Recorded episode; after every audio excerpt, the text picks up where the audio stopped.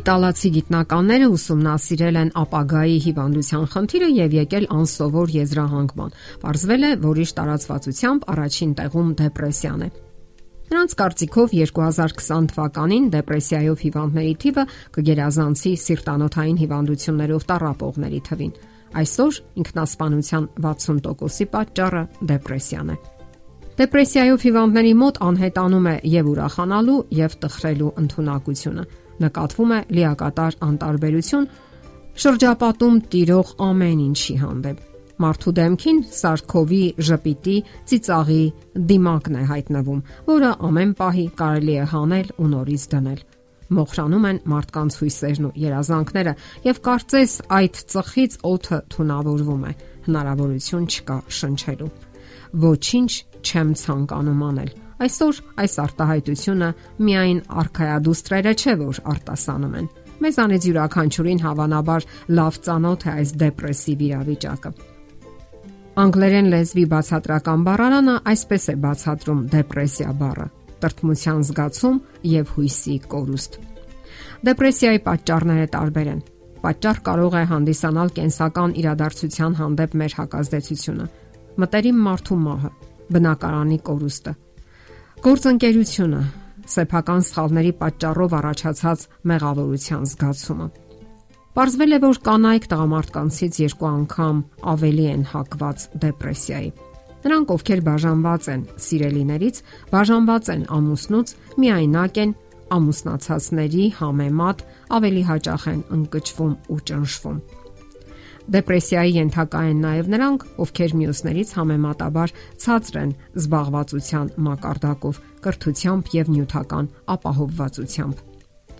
Դեպրեսիայի առավել հաճախ ենթակա են 18-ից 40 տարեկան մարդիկ։ Մեր ժամանակներում իրավիճակը տարբերվում է դարաշրջից, երբ այս հիվանդությանը հակված էին առավել տարիքավոր մարդիկ։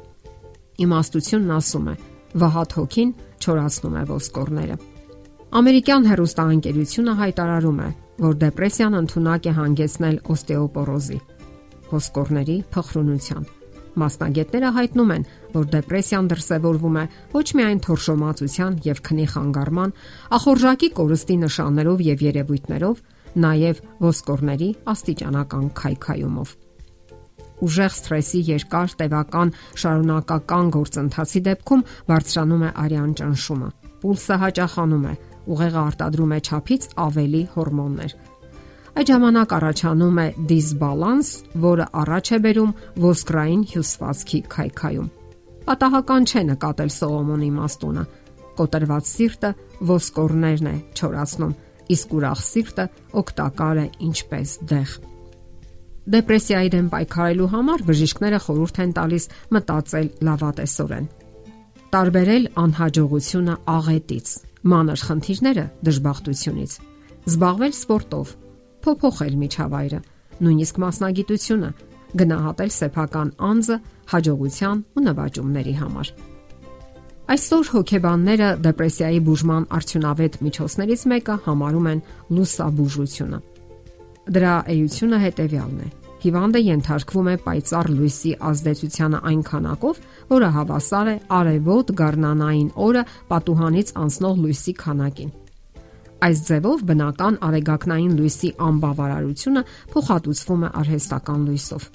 Բժշկական վիճակագրության համաձայն լուսաթերապիան օգնում է մարդկանց 2/3-ին։ Այդ պատճառով էլ շատ օգտակար է գորշ, մռայլ անձրևոտ օրերին արցակուրտ գնալ այնտեղ, որտեղ պայծառ ու արևոտ եղանակ է։ Սակայն պետք է ասել, որ դեպրեսիայի բուժման բոլոր եղանակները, այդ թվում եւ անտիդեպրեսանտները, միայն խլացնում են վատ տրամադրությունը քիմիական ներգործության շնորհիվ, իսկ դեպրեսիայի արմատները հաճախ մնում են եւ նորից աճում։ Ուրեմն անհրաժեշտ է ճշտել հիվանդության իրական պատճառները։ Հիշենք դեպրեսիայի սահմանումը՝ հույսի կորուստ։ Եթե հույսը կորած է, ապա դժվար թե հակադեպրեսանտները կամ նույնիսկ ամենապայծառ լույսը հետ վերադարձնեն այն։ Դեպրեսիայով տարապել են շատ հայտնի մարդիկ, Դավիթ Թագավորը, Աբ รา համ Լինքոլնը, Չերչիլը, Պուշկինը, Տոլստոյը, Ջեք Լոնդոնը, Աստվածաշնչյան Սավուխ Թագավորը։ Լև Տոլստոյը կարողացավ բուժվել դիմելով քրիստոնեությանը։ Դավիթ Թագավորը անհույս պահերին դիմում էր Աստծուն եւ վերստին հուսավառվում։ Իսկ Ջեք Լոնդոնը խրվեց թմրամոլության մեջ եւ կյանքն ավարտեց ինքնասպանությամբ։ Ինքնասպան եղավ նաև Սավուղ Թագավորը, երբ այլևս անիմաստ համարեց ապրելը։ Հավատացեք, որ հույսը ապակինում է հիվանդ սիրտը։ Ուրախության, երջանկության ու խաղաղության շողերը թափանցում են հոգու խորքը, լուսավորում ներսը, ցրում խավարը, անուրախ մտքերը Մարդու ներսը ջերմանում է, երբ հույսի ճառագայթները ցոլում են։ Հավատացեք, որ դուք կարող եք հաղթահարել անհուսությանը եւ կյանքի կոչել ձեր ողջ հոգեկան, մտավոր եւ ֆիզիկական ուժերը։ Ապրելն իմաստ ունի եւ արժե ձեր ջանքերին։ Եթերում առողջ ապրելակերպ հաղորդաշարներ։ Ձեզ հետ է Գեղեցիկ Մարտիրոսյանը։